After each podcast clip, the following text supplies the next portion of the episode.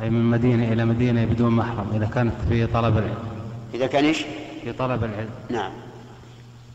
لا يحل للمرأة أن تسافر بلا محرم لا للعلم ولا للحج ولا للعمرة ولا للزيارة ولا لغير ذلك لعموم قول النبي صلى الله عليه وسلم لا تسافر امرأة إلا مع ذي محرم.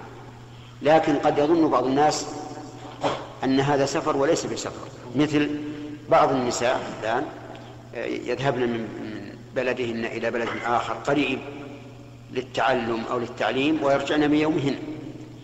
فهذا ليس بسفر وعلى هذا فلو ذهبت امرأة مثلا من عنيزة إلى بريدة للتعلم أو للتعليم ومعها نساء ويرجعن بعد انتهاء الدرس إلى بيوتهن فهذا ليس بسفر فللمرأة أن تذهب وترجع لكن لا يجوز لها أن تخلو بالسائق إذا لم يكن محرما لها. إذا كانت في الطائرة جزاكم الله خير. لا في الطائرة ولا في السيارة. حتى في الطائرة لا يجوز أن تسافر. لأن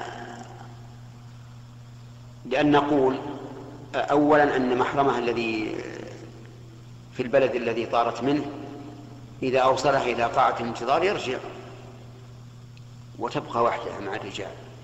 ثم لو فرض أنه أنه أوصلها إلى أن دخلها الطائرة. فما فالطائرة قد تقلع في وقتها المحدد وقد تتأخر لخلل فني أو أو طقس أو غير ذلك.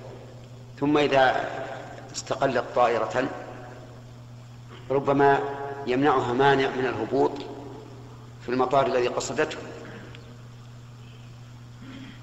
إما سوء الأحوال الجوية كما يقولون وإما خلل فني كما لو امتنعت الكفرات من النزول أو غير ذلك من الأسباب. فتبقى تذهب إلى بلد آخر. ثم على فرض أنها سلمت من هذا وقع ونزلت في المطار الذي تريده فمحرمها الثاني الذي يستقبلها. قد يحضر في الوقت المحدد وقد لا يحضر قد ينام. قد يمرض قد يمنعه السير ازدحام السيارات قد تتعطل سيارته ولا يحضر إلى المطار. ثم إذا سلمنا من هذا وصار كل شيء على ما يرام فمن, فمن الذي يجلس إلى جانبها في الطائرة؟ قد يجلس إلى جانبها رجل سفيه سافل فيغريها ويغرها كما يقع هذا أحيانا.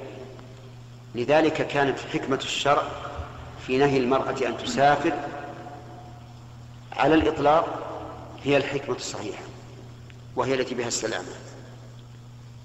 بعد اليسار تفضل.